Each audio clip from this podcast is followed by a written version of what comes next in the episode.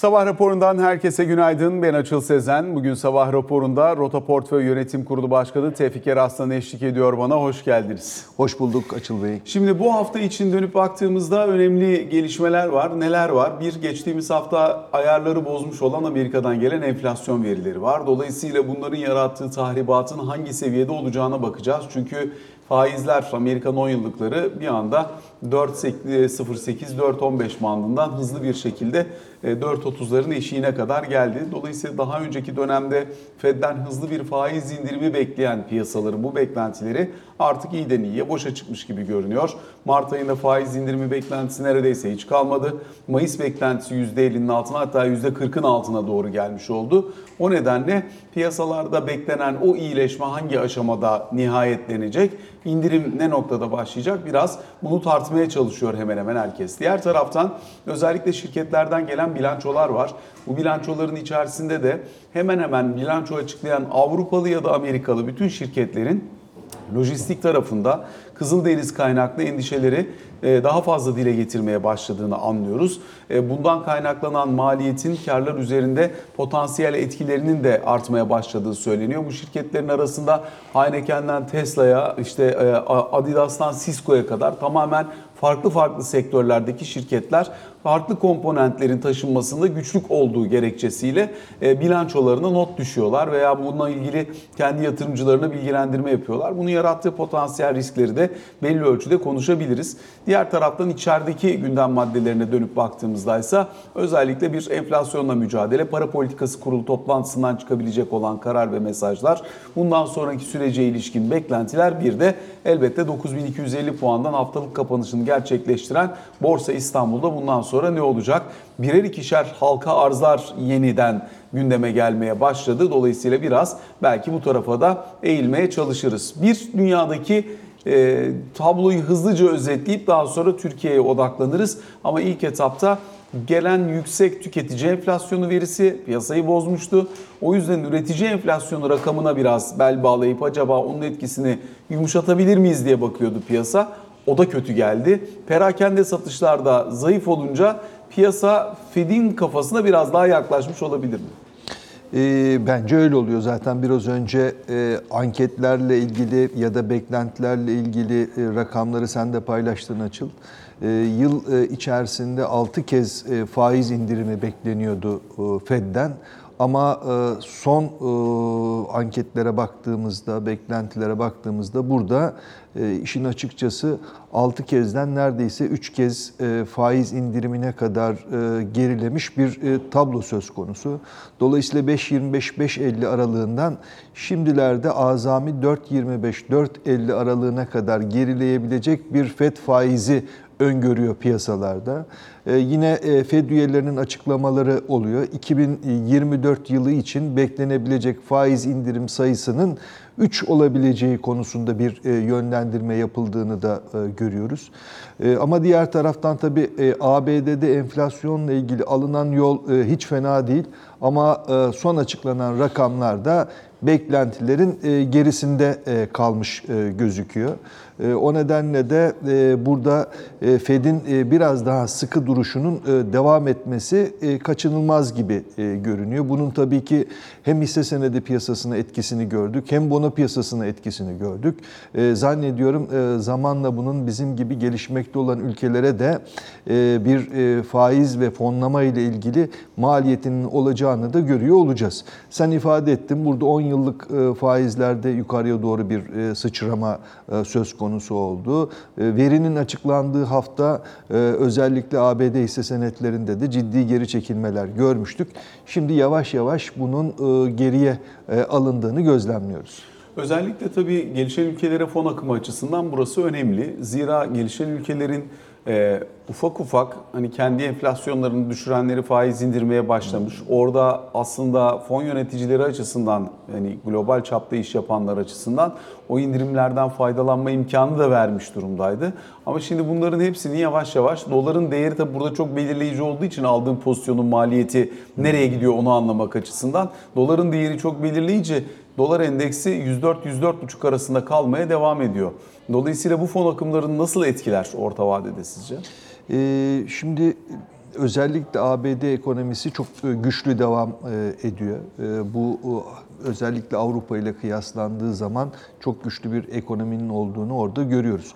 Dolayısıyla önümüzdeki dönemde gerek e, İngiltere'de e, faiz e, indirimi, gerek Avrupa'da faiz indirimi konuşulmaya başlandığı zaman ABD'nin buraya göre biraz daha şahin e, olabileceğini de e, değerlendiriyoruz. Böyle olunca tabii ki daha güçlü bir Amerikan e, doları resmi karşımıza çıkıyor. Bunun da zaten somut sonuçlarını paritelerde görmeye de başladık diye ben düşünüyorum. Bu tabii özellikle dolar cinsinden borçlanacak olan ülkeler için, şirketler için, şahıslar için önemli bir veri. Dolayısıyla bence faiz kadar doların güçlü durumu da bence borçlanacak olanları e, önemli oranda etkileyen unsurlardan bir tanesi olacak. Ama işte e, Türkiye açısından e, yine buraya bakacak olursak özellikle son dönemde CDS'lerin hızlı bir şekilde gerilemiş olması ABD kaynaklı bu faiz indiriminin gerilemesi, uzun vadeli faizlerin biraz daha yükselmiş olması e, özelliklerini önemli ölçüde e, daha az hissetmemize e, sebebiyet verdi.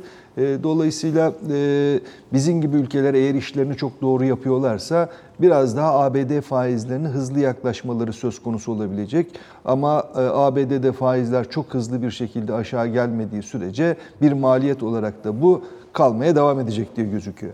Şimdi bizim kendi tarafımızda yaptığımız işler bunları anlatış şeklimiz, kendi iç dinamiklerimizi bir şekilde artık normalleştirebilmiş olmamız, e, yani gündem olarak da normalleştirebilmiş olmamız yabancıya anlatılacak hikaye açısından bize ne söyler? Biraz belki bunun üzerinden de konuşmakta fayda olabilir.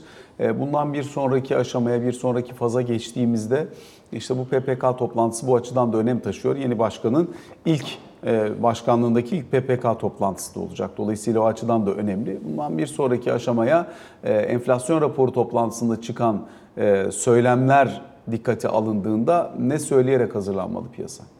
Yani işin açıkçası en son enflasyon e, raporu toplantısında e, anlatılanlara baktığımız zaman aslında e, faiz e, indirimiyle ve enflasyon beklentileriyle ilgili çok hızlı bir e, beklenti içerisine girilmemesi gerektiği konusunda bir e, mesaj verildi diye ben e, değerlendiriyorum.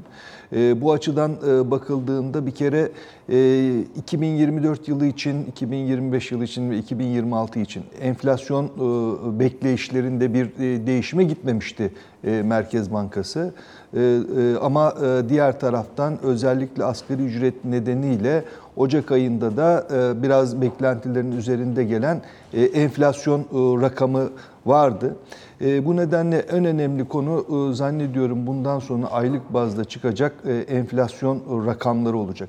Dolayısıyla burada çıkacak rakamların %3 civarındaki ortalama seviyesinin üzerinde geliyor olması Merkez Bankası üzerinde de daha sıkı e, para e, politikası izlemekle ilgili bence baskıyı e, arttırıyor olacak diye ben görüyorum. O nedenle de bu baskının hissedilmemesi için eldeki araçların daha etkin kullanımı önümüzdeki günlerde söz konusu olabilecek. Krediler tarafına baktığımız zaman ticari kredilerde çok hızlı bir e, büyüme e, görmüyoruz. Dolayısıyla orası aslında enflasyon hiç destek vermiyor dersek yeri. Ama e, diğer taraftan ihtiyaç ve tüketici kredileri kısmında kredi kartına bağlı olarak harcamalarda ise bir ciddi yükseliş var. Burası da enflasyona destek veriyor gibi gözüküyor. O nedenle de e, yapılan iletişimden de anladığımız ilk etapta buraya yönelik olarak bir e, tedbir alınması söz konusu olabilir diye ben görüyorum. Şimdi birkaç tane önemli konu var. Bunlardan bir tanesi hani bunu e, son dönemde çokça duyuyoruz. Özellikle Türkiye Bankalar Birliği Başkanı Alparslan Çakar'la yaptığımız sohbet toplantısında onu da dile getirdiği, daha sonra ekonomi yönetiminin de e, zaman zaman dile getirdiği konulardan bir tanesi 2024 bir restorasyon, 2025 sıçrama yılı olabilir ekonomi için diye. Dolayısıyla bu restorasyon yılı çerçevesinde yapılacaklar hakikaten bundan sonraki 2-3 yıllık periyod açısından çok belirleyici. Şimdi bu sene için %36 enflasyon hedefi olarak dile getiriyor Merkez Bankası. Fakat hani tutar tutmaz ayrı bir sonraki sene için 14. Ee, ama insanların tabii dinamiklerine, fiyatlama davranışlarına falan baktığımızda bunları kırmanın çok kolay olmayacağını da net olarak görüyoruz herhalde. Çünkü e, fiyatlamada kerteriz alınacak herhangi bir şey kalmadığı için herkes kendi yaşam maliyeti ya da ihtiyacı ne kadarsa ürünün ederine çok bakmadan o fiyatı koymaya devam edebiliyor. Bunu her yer için, her ürün için ayrı ayrı konuşabiliriz herhalde. Doğru, Türkiye'de e, büyük oranda fiyatlama e, davranış e, biçimi maliyetten bağımsız, ondan sonra geleneksel olarak alışılmış kar marjlarının çok dışında seyretmeye başladı. Bu tabii ki gelecek dönem enflasyon için en tehlikeli unsurlardan bir tanesi. O nedenle keyfi fiyatlama yapan e, e, kişilerin, kurumların önümüzdeki dönemde bunun bir maliyetinin e, olduğunu biliyor olmaları gerekiyor olacak. Bu nedenle de e, iç talebin bu tip fiyatlama yapan e, kurumları dışlayacak şekilde hareket edebileceği bir ortamın ve zeminin hazırlanması açıl. Bu açıdan e, son derece önemli diye ben e, görüyorum. Ama burada bir şey sorayım mı? Şimdi mesela fiyatın keyfi artıp artmadığını, bir kişinin maliyetinin ne olup ne olmadığını hesaplamak da artık mümkün değil. Mesela siz devlet olarak mesela kamu yönetimi olarak deseniz ki burada fahiş fiyat var neye göre belirleyemezsiniz. Çünkü kişinin maliyetinin neye göre olduğunu siz de bilemiyorsunuz artık.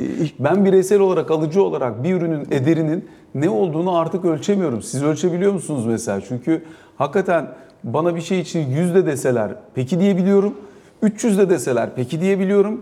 40 da deseler anlayışla karşılayıp ona da peki diyebiliyorum. Bu- yani bu, bu bağın kopmuş olması beklenti veya fiyat duyarlılığı açısından bu kanalın kopmuş olması bence inanılmaz bir yere getirdi bizi. E, Bence de e, bu konu kişilerin e, bireysel olarak hangi e, yerde keyfi fiyatlama var e, bulabilmeleri çok mümkün değil. Diğer taraftan devletin de bunu bulabilmesi çok mümkün değil. E, Hatırlarsan geçtiğimiz dönem büyük ölçüde mikro management'la bunu yapabileceğimizi de düşünmüştük. Ama gelinen noktada bu işi çok başaramadığımızı da görüyoruz. O nedenle de bu işi arz talep ve dengesi içerisinde ve e, e, tarafların ya da e, kişilerin e, doğal olarak e, biraz daha seçici almak zorunda kaldıkları bir piyasada söçme, e, e, çözmek çok daha anlamlı olacak. Bir taraftan da 2024 yılının gerçekten bir restorasyon e, yılı olduğu tanımlamasına ben de e, katılıyorum. E, Özellikle e, normalize e, olabilmek adına mesela KKM'de bir e, e, önümüzdeki dönemde atılacak adımlar ve buradan artık bizim normal e, mevduatlara geçişimiz önemli konulardan bir tanesi. Diğer taraftan swap rakamı oldukça yüksek. Dolayısıyla bu rakam nedeniyle Merkez Bankası'nın istese bile çok sıkı para politikası izlemesi, sistemde para bırakmaması çok söz konusu olamıyor.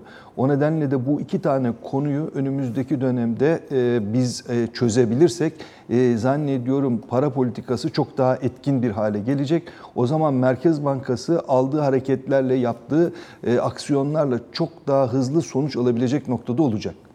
Peki şimdi burada 2-3 tane konu var size sormak istediğim. Bir tanesi tabii aylık enflasyon işte geçen ay 6.7 çıktı. Bundan sonra 3 puan falan diyeceğiz. E, Yani öyle bekliyoruz. Rehberlik öyle olduğu için 3 olabilir, 4 olabilir, 2 olabilir bilmiyorum ama sonuçta daha makul bir yere inecek. Şimdi mesela hisse senedi yatırımcısısınız e, veya mevduat yatırımcısısınız makul beklenti düzeyini nerede oluşturmak lazım? Çünkü ayar bir kere öbür tarafta kaçtığı için bu tarafta da çok zor. Yani eskiden biz yatırımcıyı e, özellikle hisse senedi piyasasından bahsediyorsak enflasyon, beklenen enflasyon artı belirli bir hisse senedi risk primiyle ikna edebiliyorduk. Şimdi yatırımcıların beklentilerine baktığımız zaman burası anormalleşti. Herkes çarpı 2, çarpı 3, çarpı 4 falan bekliyor. Yani dolayısıyla çok da ciddi ve geniş bir yatırımcı kitlesine ulaşıldı. Mesela siz konuştuğunuzda yatırımcıların beklenti duvarı tabii ki sofistike ve belirli bir niteliğe ulaşmış yatırımcılar için bunu söylemiyorum ama genel kitleye e, baktığınız zaman yatırımcıların beklentileriyle gerçekleşenler arasındaki memnuniyet düzeyi bir fark oluşturuyor mu şu an? E, işin açıkçası şu anda tabii ki beklentiyi nereye e, koyacağımız kısım son derece önemli. Şimdi e, Türkiye'de Merkez Bankası'nın 2024 yılı için enflasyon e, beklentisi e, 36. E, Birçok ekonomistin beklentisi 40 civarında. Aslında Merkez Bankası ile piyasa arasında çok devasa bir e, fark olmadığını ben e, gözlemliyorum. Hatta son piyasa katılımcıları anketinde 37.8'e geriledi mesela. Yani bir yıllık enflasyonda da oraya doğru bir e, gerileme var. Dolayısıyla buradaki rakamlar birbirine yaklaşmaya e, başladı diye ben e, görüyorum. Diğer taraftan Türkiye'de Merkez Bankası ne zaman faiz indirimine başlayabilir sorusu da çok kıymetli bir soru. Bu beklentiyi doğru oluşturabilmek adına. E, rakamlara baktığımız zaman baz etkisinden kurtulup enflasyonun düşüşe geçmesi e, işin açıkçası Ağustos ayını bulacakmış gibi e, gözüküyor. Anlamlı bir düşüşün e, olmaya başlaması. O zamana kadar Merkez Bankası'nın şu andaki faiz seviyesinde devam etmesi çok büyük olasılık diye görünüyor. Şimdi buradan baktığımızda Merkez Bankası'nın şu andaki gecelik faizi açıl 45. Bunun yıllık bileşiği de 55,5.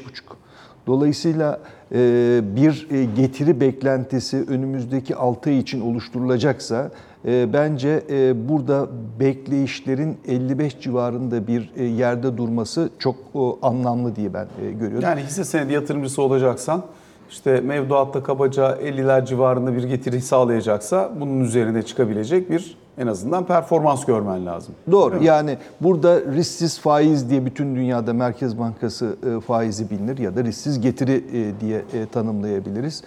O takdirde risk alarak para kazanmak isteyen yatırımcıların Merkez Bankası faizinin üstünde bir bekleyişinin olması da çok anlamlı diye ben görüyorum. Dolayısıyla eğer yatırımcılar bekleyişlerini buna göre şey yaparlarsa, dizayn ederlerse zannediyorum bekleyişleriyle elde ettikleri getiri arasında bir fark olmayacaktır ya da daha düşük olacaktır. Peki şu anda mevduata olan ilgiyi nasıl görüyorsunuz? Çünkü mevduat likitte fazlası nedeniyle bir süre aşağı gitmişti. Sonrasında bu zorunlu karşılık hamlesinin ardından bir parça daha yukarı geldiğini görüyoruz ki ortalaması %50'nin üzerinde 51'ler civarında şu an itibariyle mevduat faizinin.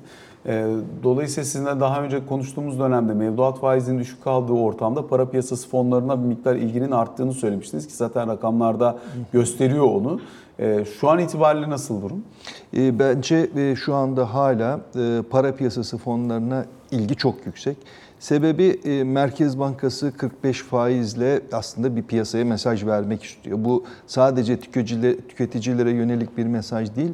Aynı zamanda yatırımcılara da bakın bugün iyi kazanabilirsiniz. E, O nedenle de e, harcama yerine tasarruf etmeyi tercih edin mesajı. E, Eğer Merkez Bankası faizinin oldukça altında bir e, faize erişebilirse yatırımcılar o zaman Merkez Bankası'nın para politikası ile ilgili aktarım mekanizmaları çok iyi çalışmıyor demektir açın.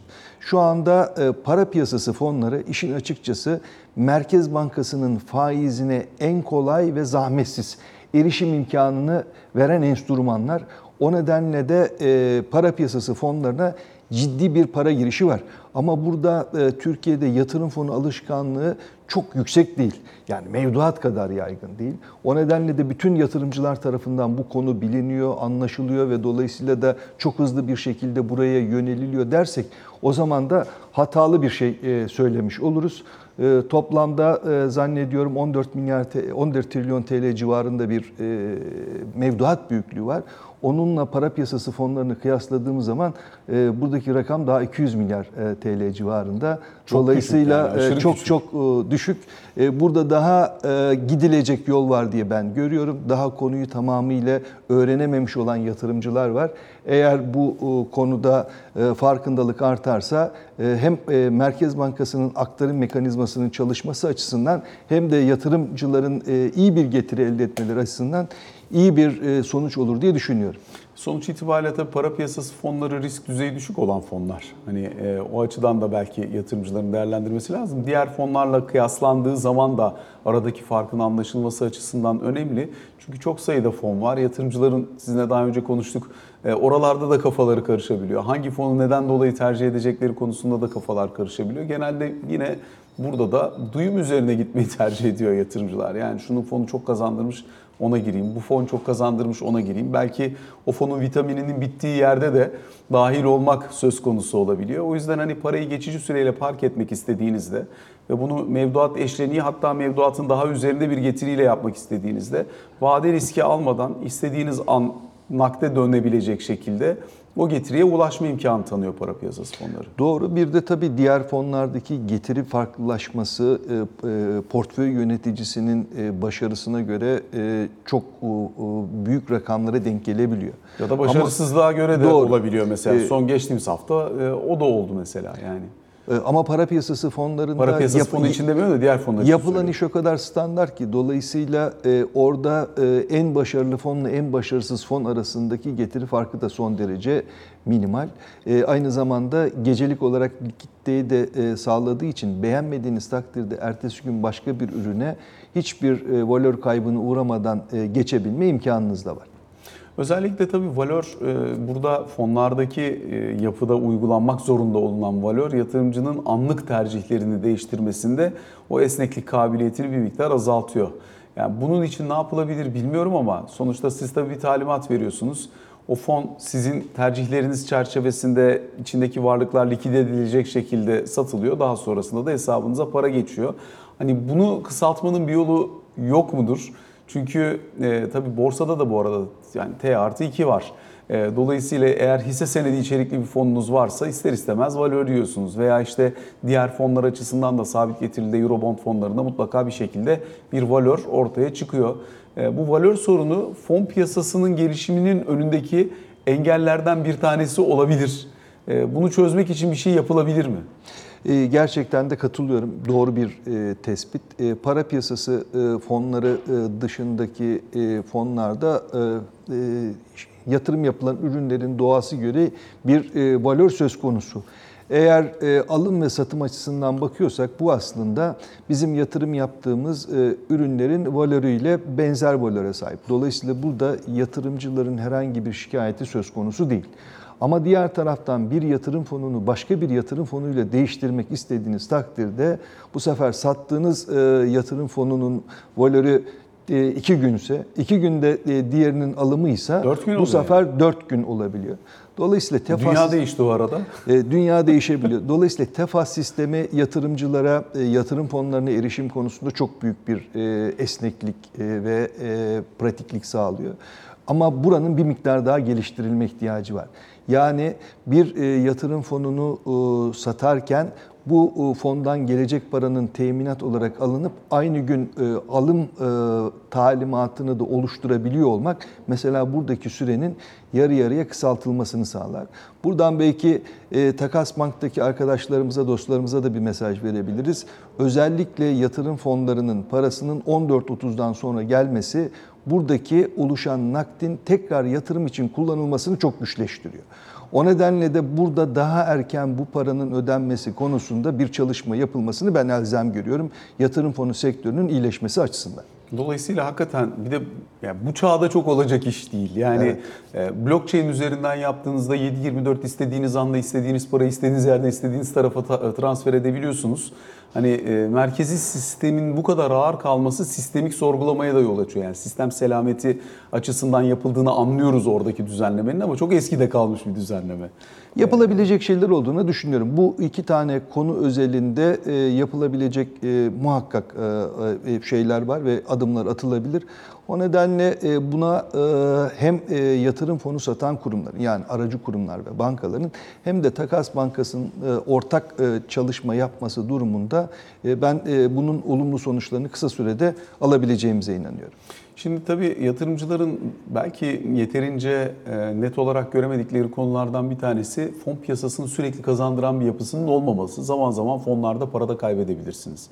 Bir de fon yöneticisinin yapmış olduğu e, planlamayla gerçeklik arasında fark oluştuğunda kişisel hatalar nedeniyle de e, burada para kaybetme riski var. Önemli olan anladığım kadarıyla geçen hafta da benzer bir şey yaşandığı için muhtemelen bilginiz dahilindedir. E, Arbitraj fonlarında mesela benzer problemler olabiliyor zaman zaman.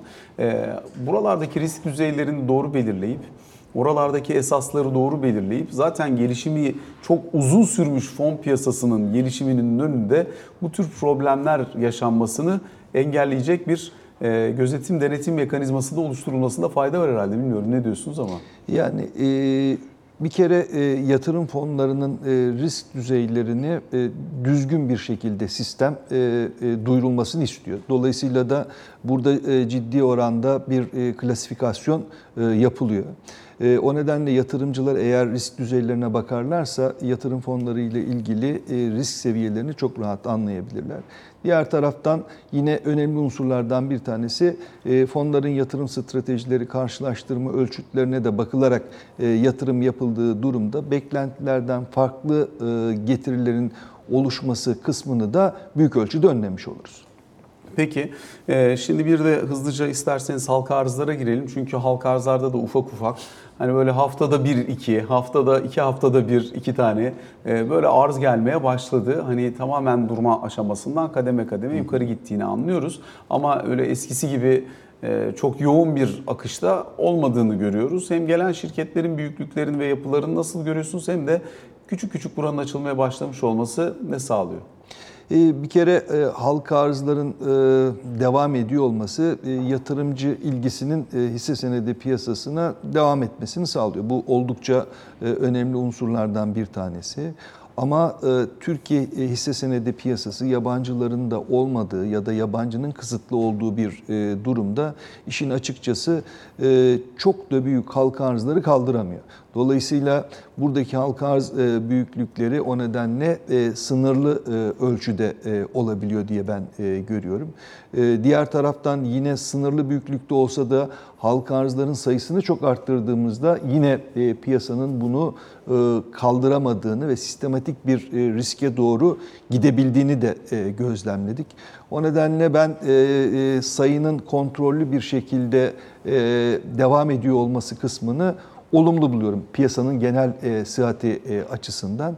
Ama e, diğer taraftan Türkiye e, bu 100 milyon dolar ortalama büyüklükteki şirketlerin halka arzıyla e, gidebilecek bir ekonomi değil. Önümüzdeki dönemde bunun daha büyük halka arzlarla taçlandırılması gerektiğine inanıyorum.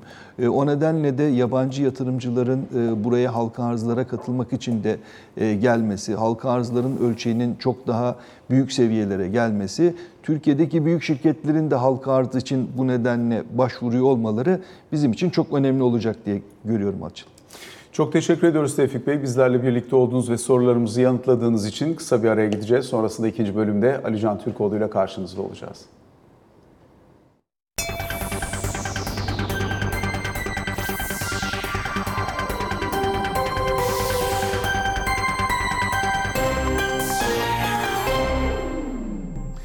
Sabah raporunun ikinci bölümüyle karşınızdayız. Ali Can Türkoğlu ile birlikteyiz. Ali Can günaydın. Günaydın.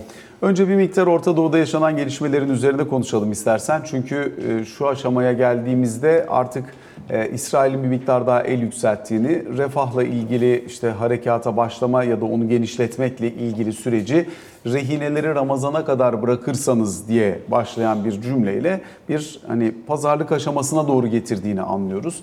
Son dönemde ateşkes konusunda çok fazla çağrı var. Çok fazla işte diplomatik görüşme var. Katar devrede, Amerika Birleşik Devletleri gidiyor geliyor falan ama sonuçta İsrail, aslında İsrail'de dememek lazım herhalde ama Netanyahu yönetimi başka bir noktadan gidiyor. Doğru. Bütün arabuluculuk çalışmalarına, bütün gelişmelere, artı yapılan toplantılara rağmen yani işte e, Mısır'da Katarlıların katılımıyla Katar'da ayrı. Bu arada bu toplantılar sadece işte Katar, Mısır, ABD'li yetkililerle değil, içinde Hamas yetkilileri de var. İsrail'in iç ve dış istihbaratından sorumlu isimler de var. Tüm bunlara rağmen şu anda en son yapılan açıklamada bir kez daha Netanyahu hükümeti dediğin gibi Ramazan başlangıcına kadar e, size süre eğer bırakırsanız rahat bir Ramazan geçirirsiniz minvalinde bir açıklama yapmış gözüküyor Savunma Bakanlığı üzerinden yanlış hatırlamıyorsam.